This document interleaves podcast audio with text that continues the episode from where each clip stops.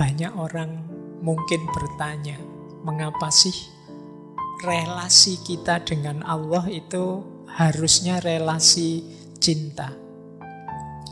Di berbagai kesempatan sering saya jelaskan yang namanya hubungan dengan apa pun itu yang selalu dianggap paling mulia, paling tinggi levelnya itu selalu cinta. Saya sering menggambarkan dari sisi hierarki nilai sesuatu, itu kan ada yang paling rendah itu orang yang tidak mau berhubungan sama sekali. Di atas itu orang yang mau berhubungan karena dorongan kewajiban-kewajiban. Jadi saya diperintah oleh dosenku ini mau kenapa diwajibkan begitu. Karena saya mahasiswa, saya wajib patuh pada dosenku. Nah ini level kewajiban. Saya diperintah orang tua mau, kenapa kewajiban saya? Nah, ini naik satu level. Ada lagi satu level lebih tinggi di atas kewajiban yaitu kebutuhan. Kalau kebutuhan itu kita tahu untungnya. Saya patuh pada orang tua karena kalau saya tidak patuh nanti sangunya mandek. Transferannya macet, bahaya ini. Aku butuh ini transferan dengan orang tuaku. Kalau tidak dapat ini tidak bisa hidup aku. Nah, ini level kebutuhan. Wah, ini diperintah pimpinanku harus patuh ini. Kalau tidak patuh dipecat gawat aku. Nah, ini relasinya relasi kebutuhan. Ada pamrihnya. Relasi yang pamrih ini biasanya kalau pamrihnya hilang atau menyusut atau tidak ada ya kita biasanya sudah tidak terlalu patuh lagi, pinginnya bubar saja, tidak usah ada relasi. Karena pamrih kita sudah hilang. Kadang-kadang kan ada orang itu sama Allah relasinya kebutuhan. Terus dibilangin kalau kamu rajin baca doa ini 40 hari, wah kamu tiba-tiba akan dapat rezeki, keinginanmu mesti terpenuhi. Wah, terus kita rajin wirid selama 40 hari, hari ke-40 kita ngitung. Ini keinginanku terpenuhi apa enggak ya? Ah ternyata ndak, besok ndak usah wiritan lagi. Nah, ini kenapa? Pamrihnya hilang. Maka ada relasi tertinggi yang selalu orang menyebut relasi tertinggi ini yaitu relasi mahabbah, relasi cinta.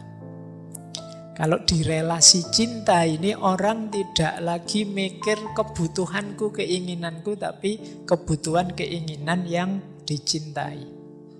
Kalau dalam agama, karena yang kita cintai Allah berarti semuanya karena Allah saja. Bahasa kita biasanya pakai istilah lillahi ta'ala. Oke, maka yuk kita mulai malam hari ini nawaitunya lillahi ta'ala. Bukan karena macam-macam, bukan karena kangen ngaji, ketemu saya, bukan karena dan segala alasan yang lain, wis lillahi ta'ala. Baik, nah mengapa sih kita harus mencintai Allah? Kalau di Fathur Robbani pertama-tama karena Allah sendiri sudah sangat mencintai kita. Itu niscaya sudah. Jadi di Fathur Robbani disebut Allah Azza wa Jalla mencintaimu bukan karena dia butuh padamu tapi memang karena rohman rohimnya, kasih sayangnya padamu. Jadi Allah itu sudah lebih dulu sangat cinta, sangat sayang pada kita. Dan pasti bukan kebutuhan wong Allah itu maha kaya. Jadi tidak mungkin Allah itu terpaksa menyayangi kita atau butuh sesuatu pada kita, tidak. Dia mencintaimu bukan untuknya, namun untukmu. Orang yang mencintai itu ya selalu untukmu, tidak untukku yang mencintai. Kalau orang mencintai kok masih untukku, itu biasanya belum puncak cintanya.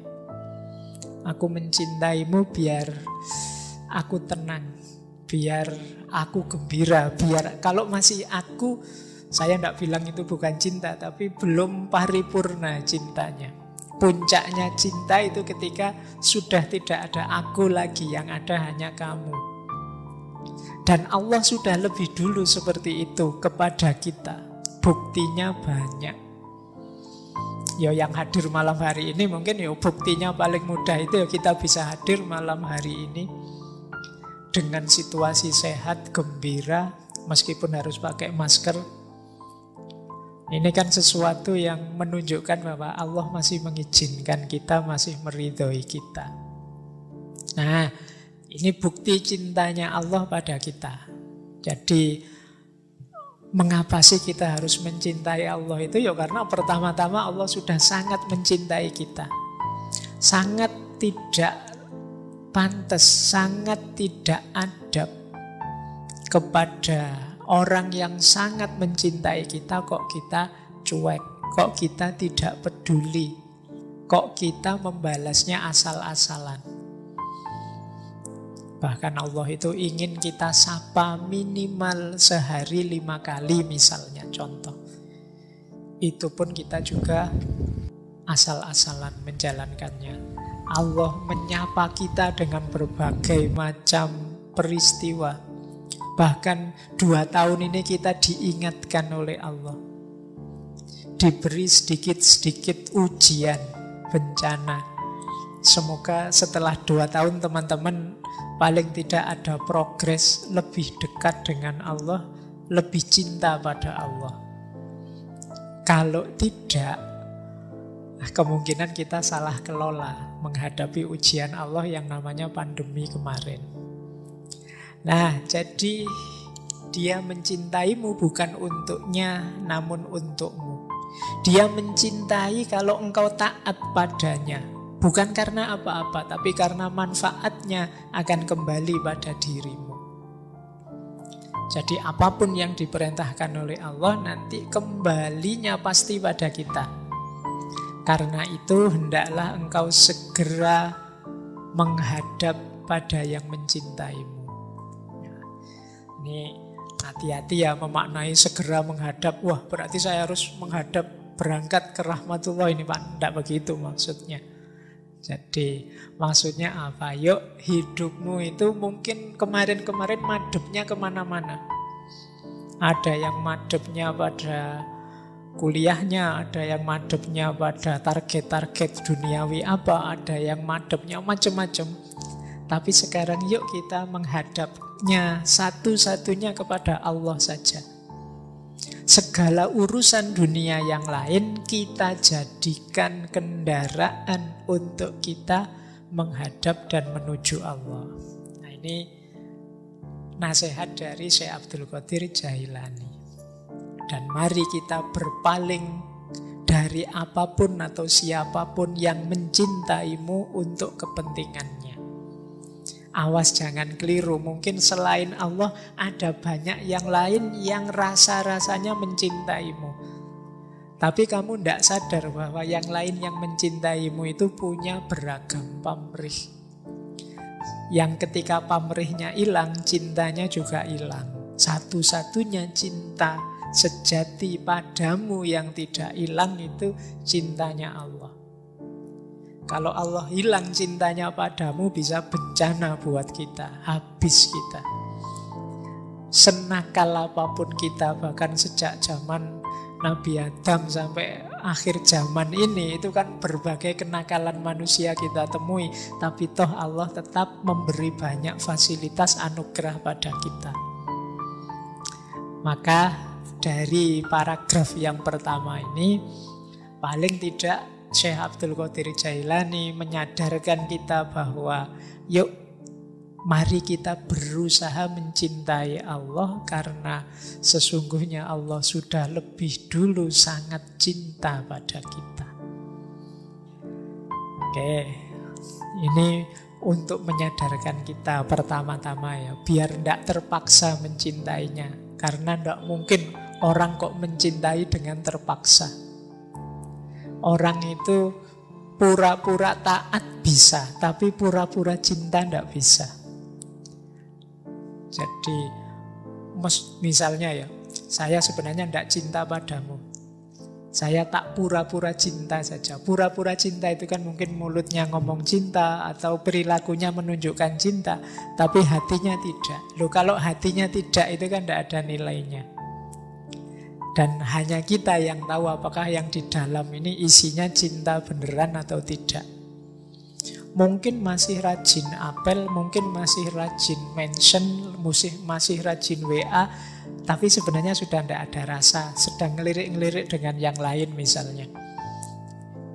Nah, hanya kita yang tahu. Maka rajin ke masjid mungkin masih, tapi apakah itu pertanda cinta pada Allah atau kewajiban saja atau kebutuhan hanya kita yang tahu. Makanya upaya menuju cinta ini hanya kita yang tahu apakah relasiku dengan Allah ini sudah relasi yang jenisnya cinta atau sekedar kewajiban saja. Jadi ya termasuk yang sedang punya pacar, termasuk yang suami istri. Ya ini kan kewajiban saya sebagai suami. Kalau ad, masih ada tuntutan-tuntutan kewajiban-kewajiban ya levelnya masih belum tinggi. Atau ya ini kebutuhan saya Pak, nanti kalau istri saya mogok, ndak masak aku ya susah. Levelnya masih kebutuhan. Masih belum yang tertinggi. Kalau yang tertinggi itu ya segalanya demi dia. Nah, tahapan-tahapan. Kalau tadi kita sudah diyakinkan menuju relasi terbaik yang namanya cinta, tangga-tangganya harus kita lewati. Jadi dari Fathur Robbani, Syekh Abdul Qadir Jailani menyebutkan bahwa orang beriman itu kalau imannya kuat, dia disebut sebagai orang yang yakin. Kalau yakinnya kuat, dia disebut sebagai orang yang arif. Kalau kemakrifatan, kearifannya kuat, dia disebut orang yang alim. Dan kalau ilmunya tambah luas, tambah luas, tambah kuat, maka dia akan sampai pada terminal cinta. Kalau cinta ini tambah dalam, tambah dalam, dia menjelma jadi seorang pecinta. Jadi kalau ilmunya kuat, dia sampai pada titik cinta. Cinta tambah kuat, dia jadi sang pecinta. Seorang asyik. Kalau mahabbah itu jenis rasanya, kalau asyik ini orangnya. Orang yang mencintai. Jadi ini ternyata ada titik-titik tahap-tahap yang perlu kita daki. Yang pertama tetap iman. Iman itu percaya Percaya ini kalau tambah mantep, tambah mantep namanya yakin. Kan ada orang itu percaya sih tapi belum terlalu yakin. Aku percaya kamu ndak akan ngelirik yang lain. Tapi ndak yakin juga sih kalau ada yang lebih cakep mungkin kamu juga masih lirak-lirik. Nah, ini namanya belum yakin. Kalau yakin itu sudah ndak ndak nawar lagi sudah. Ya wis pokoknya apa pun yang terjadi aku percaya. Ini namanya yakin. Nah, yakin ini membuat orang arif. Kalau yakinnya pada Allah itu dia akan terbuka hijab. Terbuka hijab itu terbuka kesadarannya betapa nilainya Allah, betapa penting posisinya Allah dalam hidup ini. Ini namanya orang arif. Terbuka sekarang rahasia. Dalam tasawuf kadang disebut makrifat. Semakin dalam makrifat, nanti dia jadi alim. Tahu tentang Allah akan memicu pengetahuan tentang banyak hal yang lain. Tentang dunia ini, tentang syariatnya, tentang manusia.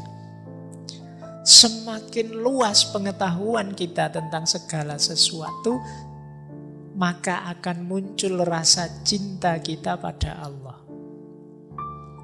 Jadi ilmu kita tambah tentang hakikat hidup ini, tambah sadar kita betapa maha kuasanya Allah, betapa luar biasanya Allah, betapa Allah ini sesuatu yang jadi penentu segalanya, maka akan muncul rasa ketergantungan. Di situ dimulai rasa cinta kita kepada Allah. Kita menjelma jadi sosok yang kalau dalam bahasa Arab namanya asyik. Asyik itu tidak sekedar tahu, tapi bisa menikmati. Nah, orang yang mencintai Allah itu berarti orang yang bisa menikmati Allah menikmati hadirnya Allah, menikmati kekuasaannya Allah, menikmati segala skenario Allah yang ditetapkan untuk hidup kita.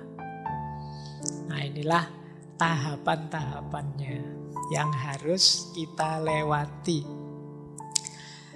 Nah, kalau kita sudah jadi asyik orang yang sudah bisa menikmati Allah, itulah kata Syekh Abdul Qadir Jailani, kita ini orang yang cukup, orang yang dekat, dan orang yang bahagia. Orang yang cukup berarti kita tidak akan butuh lagi apa pun yang lain, cukup Allah saja.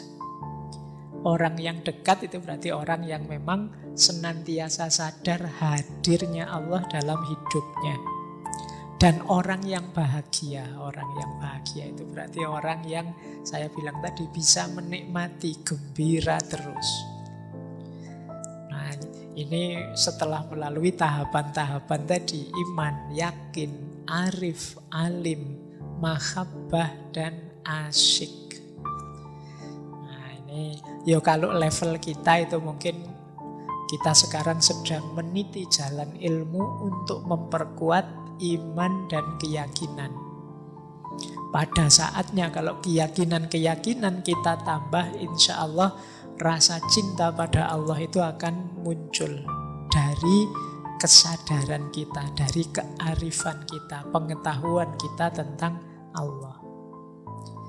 Maka penting teman-teman kita belajar terus itu dalam rangka apa? Biar sadar betapa maha kuasanya Allah.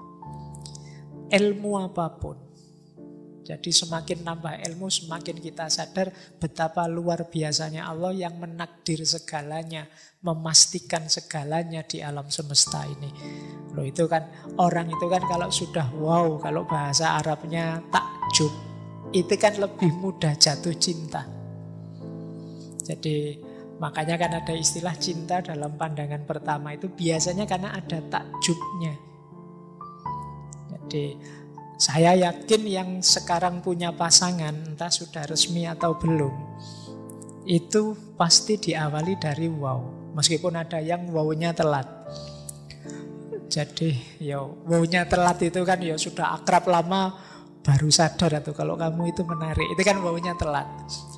Nah, kemungkinan kasus kita, kalau disebut kasus ya, kasus kita dengan Allah itu mungkin begitu, wownya telat.